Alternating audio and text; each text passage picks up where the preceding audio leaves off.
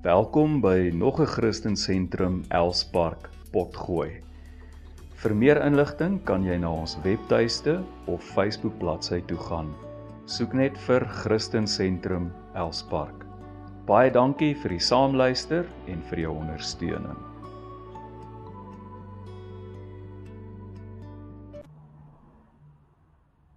Kom ons begin met uh, ons woord vir vandag, ons boodskap. Ek is uh opgewonde en ek glo dat jy gereed is om te luister na die woord van die Here. Maak jou ore oop, spits jou ore, volg asseblief aandagtig tot aan die einde van die preek.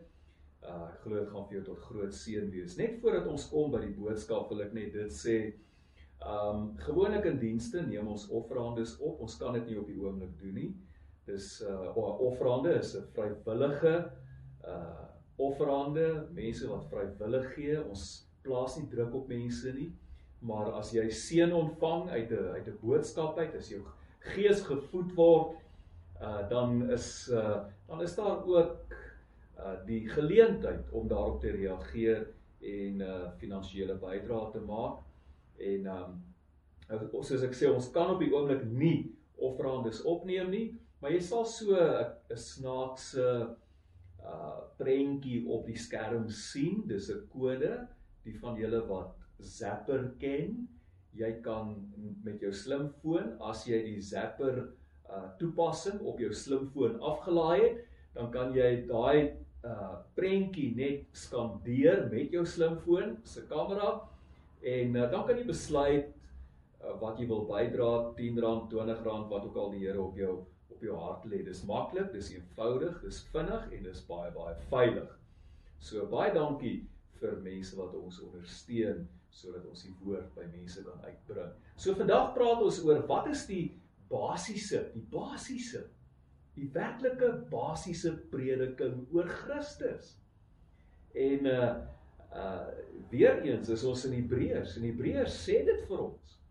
En ons gaan dit lees in Hebreërs 5 vers 11 tot uh hoofstuk 6 vers 3 en ek lees uit die 2014 vertaling. Hieroor het ons baie om vir julle te sê wat moeilik is om te verduidelik aangesien julle traag geword het om te luister. Want terwyl julle teen hierdie tyd reeds leraars moes gewees het, het julle nou weer nodig dat iemand julle onderrig oor die grondbeginsels van die uitsprake van God. En julle het weer behoefte aan melk en nie vaste kos nie. Elkeen wat melk gebruik is immers onervare aangaande die boodskap van regverdiging want hy's 'n suigeling. Maar vaste kos is vir volwassenes, vir hulle wat oor die aanvoeling beskik deur die gewoonte geoefen. Ek dink die Griekse woordjie wat daar gebruik word waar ons ons woordjie gym of gimnasium vandaan kry. Vir hulle wat uh deur die gewoonte geoefen is om te kan onderskei tussen goed en kwaad. Dan hoofstuk 6 vers 1. Laat ons dan die basiese, die basiese prediking oor Christus daar laat voortgaan na volwassenheid sonder om weer die fondamente te lê en dan noem hy die goed. Die fondamente van die bekering van dooie werke, van geloof in God, van dooponderrig, oplegging van hande, opstanding uit die dood en van ewige oordeel. En juis dit, vers 3, sal ons doen as God dit toelaat. Tot sover die Here sê deur die woord en die oordeenking daarvan in ons harte. Nou in vandag se preek gee ons so 'n paar tree terug. Ons het reeds moeilike onderwerpe hanteer. Maar ons gee so 'n paar tree terug. Hoekom? Want Hierdie boodskap vat ons terug na die basiese elemente van ons geloof. Terwyl in ons vorige boodskappe ons by regtige moeilike konsepte uitgekom het soos byvoorbeeld Jesus se hoëpriesterskap volgens die orde van Melchisedek. Baie moeiliker om te verstaan. As jy dit verstaan, is dit tot 'n groot seën en dit help jou om reuse tree vorentoe te gee in jou geestelike groei. So ons wil by die goed uitkom, maar ons moet daarom ook seker maak dat ons die basiese elemente van ons geloof verstaan en dat dit stewig in plek is in ons lewens. Baie mense ongelukkig in hierdie landjie van ons het nie hierdie basiese goed in plek nie. En al is dit in plek in jou lewe, is dit soms nodig om weer hierna te kyk sodat ons kan sien wat die Bybel en nie een of ander prediker nie beskou as die basiese elemente van ons geloof, né? Wat sê die Bybel? Die pastoor so en so of profeet so en so nie. Wat sê die Bybel? Wat is die basiese elemente van ons geloof? Nou Hebreërs ber is eintlik besig om sy lesers voor te berei vir hierdie moeilike onderwerpe wat hy nou binnekort gaan behandel. En hy sê byvoorbeeld in Hebreërs 5 vers 10 sê hy dat Jesus 'n hoë priester is volgens die orde van Melchisedek. En net die volgende vers sê hy dat hy baie oor dit het om te sê, om te hy baie om te sê oor Jesus, die hoëpriester. Uh volgens die orde van Melchisedek, oor die verbond, die nuwe verbond, al hierdie goed. Hy baie om hieroor te sê en dan sê hy vir ons in aan daai vers dat dit goed is wat moeilik is om te verduidelik. So Hebreërs berei ons voor sodat wanneer hy by hierdie moeilike goed kom, ons aandagtig sal luister, dat ons dit sal inneem wanneer hy dit verduidelik. So, eers vermaan hy sy lesers en ek en seker ook maar vir ons vandag. Hy vermaan ons. Ons is traag om te luister. Hy sê vir hulle in vers 11: "Aangesien julle traag geword het, traag geword het om te luister. Die een Engelse vertaling sê sluggish geword het om te luister. Traag. Ja, so stadig om te luister. En hierdie traagheid maak dat hulle nie groei nie. Hulle moes al, hy sê, hulle moes al leraars van die woord gewees het. En nou moet hulle nog steeds geleer word oor die basiese konsepte van God se woord, die melk. En ons het vandag, my liewe vriend, dieselfde probleem.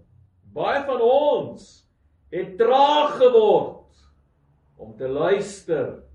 Is dit omdat ons dalk dink ons weet klaar alles? Is dit omdat daar soveel dinge is wat ons aandag verg dat ons nie ook hieraan aandag kan gee nie? Is dit omdat ons dit nie interessant genoeg vind in 'n digitale wêreld waar vermaak en die interessantste inligting binne bereik van jou vingers is nie? Ek onthou die jare toe mense nog ensiklopedies gekoop het. En dan staan daar 'n reeks van 13 groot dik boeke op jou rak. Vandag is hierdie boeke waardeloos omdat inligting daagliks toeneem en verander en die lekker is dis tot jou beskikking op die internet. Dis en dan daar's soveel interessante goed. En dan is daar jou stowwerige Bybel met 'n paar moeilike hoofstukke oor Jesus se hoëpriesterskap. En dan skakel ons veel eerder die rekenaar aan as om hierdie moeilike hoofstukke in die Bybel te bestudeer. Hoofstukke wat eintlik ongelooflik baie vir ons kan beteken. Toets jouself gou. Eerstens, kan jy sonder om nou te lees, kan jy die basiese nou hierdie oomblik, kan jy die basiese waarhede van ons geloof in 6 kort sinne opsom. Goed, as jy dit kan doen.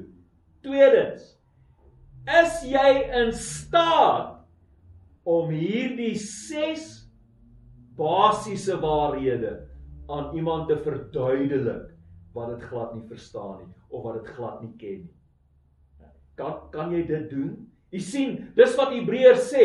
Ons moes al leraars gewees het. Ons moet hierdie goed net so kan verduidelik vir ander mense. Maar nou is ons nog steeds in die skool. In die skool.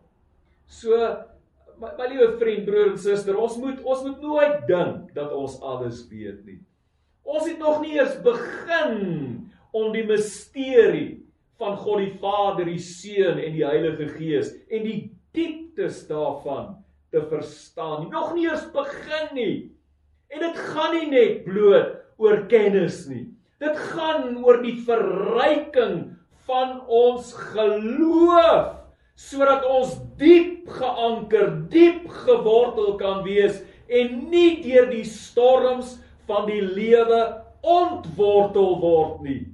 Ons beleef op die oomblik hoe ons lewens gedestabiliseer word deur 'n wêreldwye globale pandemie. En dis juis nou wat ons diep gewortelde geloof ja, geloof wat diep geanker is.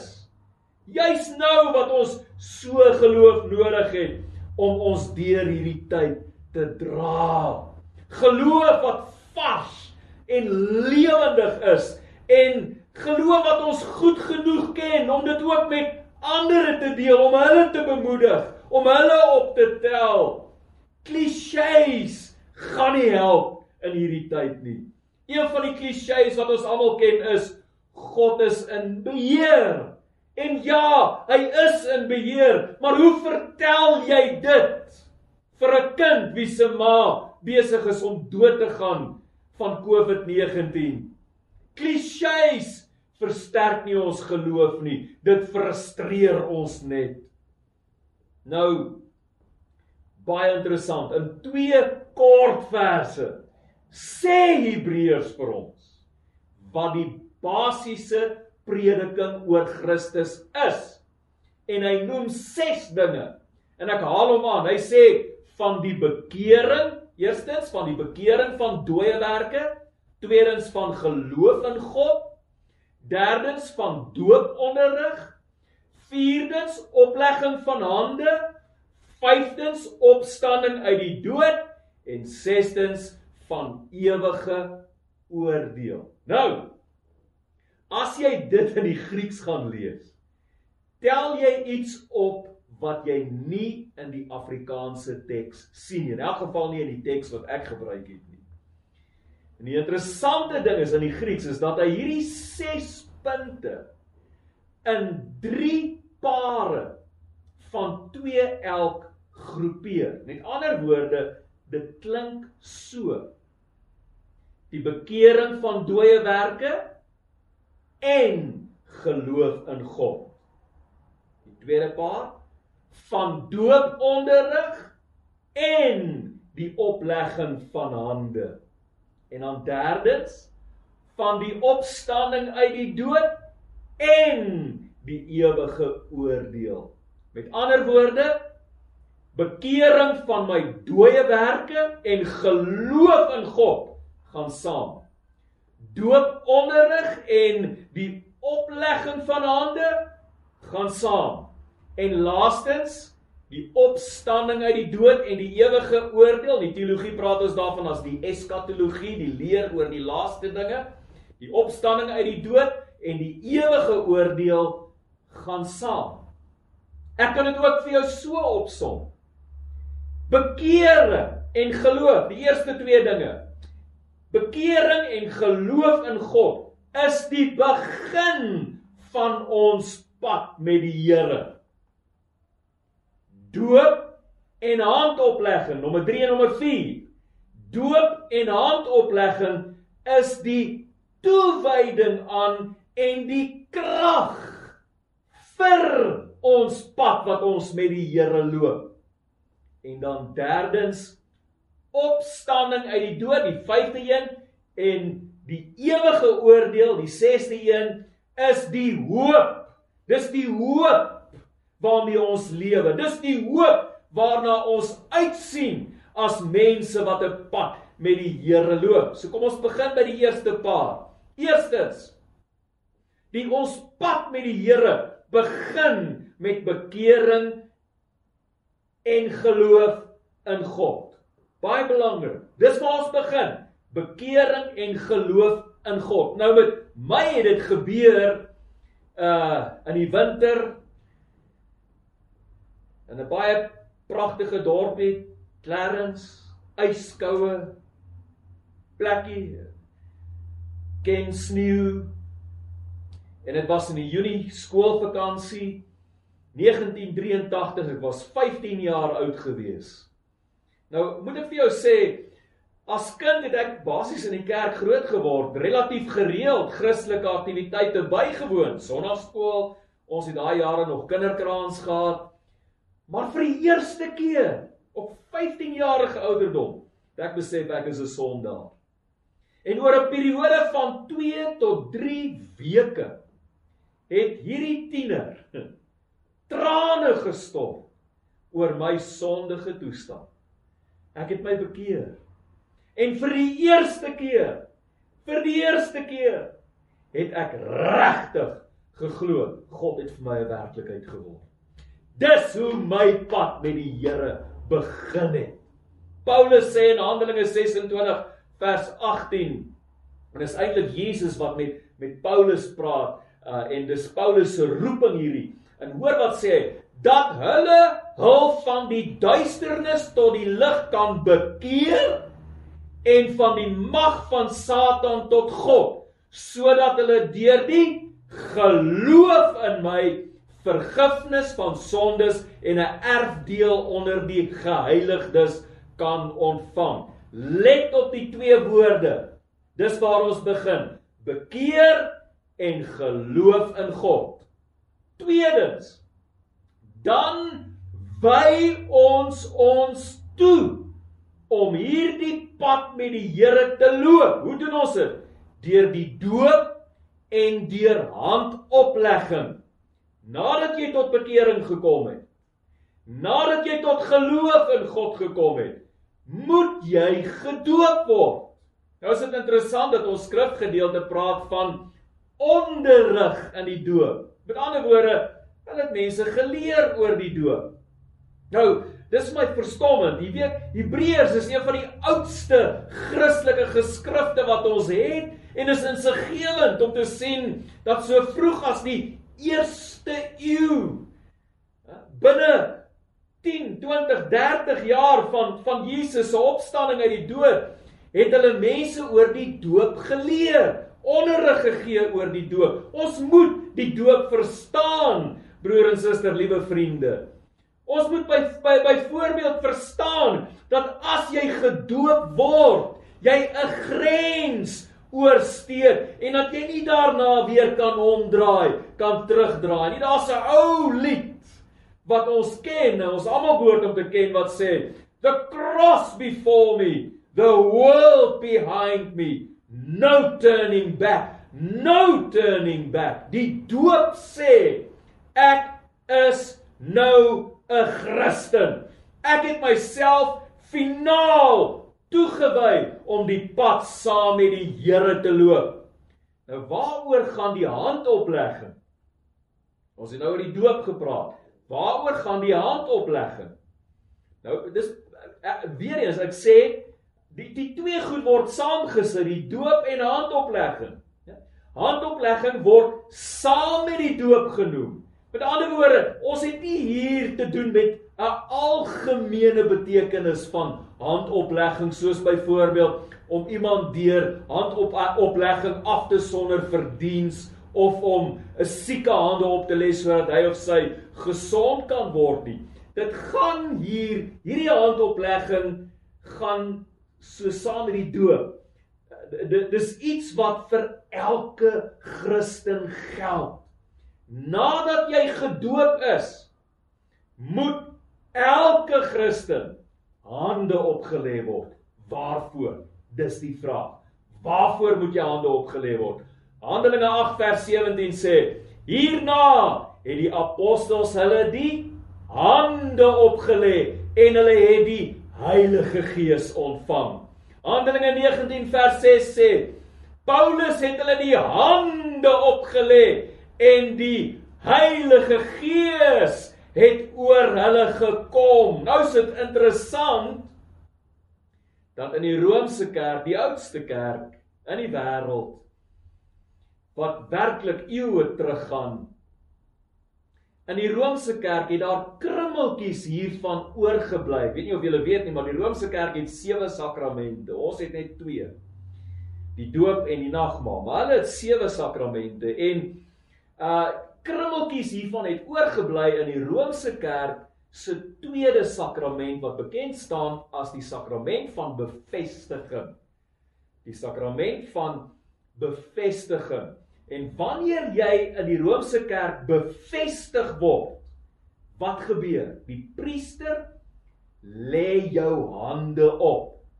En die doel, jy kan dit gaan Google, Wikipedia sê die doel vir hierdie handoplegging because it confirms and strengthens baptismal grace. sien jy hoe word dit Hoe nou word dit gekoppel? Hoe nou word dit verbind met die doop? Alraai. En dan wanneer hierdie Romeinse priester vir jou hande oplê, wat doen hy? Hy doen 'n gebed. En in sy gebed, onthou net hulle liturgiese gebede, met ander woorde is 'n standaard gebed wat elke keer gebid word wanneer hulle die wanneer hulle mense hande oplê. So in hierdie liturgiese gebed bid hulle oor die gawe van die Heilige Gees wat jou verseël. Nou mense in die Romeinse kerk het dit oor die eeue net 'n ritueel geword. Maar in die vroeë kerk, in die vroeë kerk was dit 'n ervaring. Jy het regtig die Heilige Gees met krag ontvang. En dis iets van die Pinksterkerk aan die begin van die 20ste eeu herontdek het dat ons werklik die Heilige Gees kan ontvang wanneer iemand vir ons die hande oplê. Die doop en handoplegging om die Heilige Gees te ontvang was dus, hoor mooi, was dus volgens Hebreërs deel van die absolute basiese prediking oor Christus. En nou is die vraag: is jy al gedoop? Eerstens en tweedens, het iemand al vir jou hande opgelê om die Heilige Gees te ontvang? Nie die liturgiese gebed nie, om werklik die Heilige Gees te ontvang. En dan die derde paar. Die derde paar wat gaan oor die eskatologie, die leer oor die laaste dae uh derdens die die opstanding uit die dood en die ewige oordeel. En ons het gesê, dit is ons hoop. Dis die hoop wat ons in ons harte ronddra terwyl ons hierdie pad saam met die Here loop. Wanneer Jesus weer kom en die dooies opgewek word, wanneer ons verlossing volkome sal wees en die dood finaal oorwin word. Terwyl mense op die oomblik daagliks om ons sterf en ons almal as ware in die skaduwee van die dood leef my vriend in die skaduwee van die dood die hele wêreld leef op die oomblik in die skaduwee van die dood is dit nie juis nou die tyd wat ons soveel meer moet uitsien na Jesus se wederkoms wanneer ons sterflike liggame wat deur 'n virus afgetakel kan word en ons kan doodmaak. Wanneer ons sterflike liggame oorklee sal word met onsterflikheid. Hey, dis ons hoop. Dis ons hoop. Ons sien ook uit, my vriend, na die oordeel. Baie mense is negatief oor die sogenaamde oordeelsdag. Was net omdat jy dit nie verstaan nie. Jy's negatief daaroor want jy's daar bang daarvoor. Of jy aanvaar bloot nie die idee dat God gaan oordeel nie. En eintlik, eintlik behoort elke Christen met verlange uit te sien na die dag wanneer God hierdie wêreld gaan oordeel. Hoekom? Kom sê ek dit. Want uiteindelik sal ware geregtigheid geskied. Maak die plaasmoorde jou kwaad? Sien jy graag wil hê daar moet 'n einde kom aan die plaasmoorde? Sal jy graag wil hê dat die mense wat hierdie plaasmoorde pleeg en wat agter dit sit, dat hulle aan die dat hulle uh voor die gereg gebring word? Maak dit jou kwaad? Hoe voel jy daaroor dat mense wat geld het, geregtigheid kan koop al is hulle skuldig? Ons almal weet as jy ryk is, kan jy 'n monster van 'n advokaat bekostig om jou te verdedig. As jy arm is, dan sê die hof vir gee die hof vir jou 'n onervare, ongemotiveerde regshulp prokureurtjie om jou saak vir jou te verdedig. Né? Geld en die onreg. Ons almal weet dit. Hoe sal jy daar daaroor voel as die samesweringsteorieë waar is? Dat China doelbewus die COVID-19 in die wêreld losgelaat het om hulle magsbasis in die wêreld te versterk. Hoe gaan ons ooit die waarheid weet?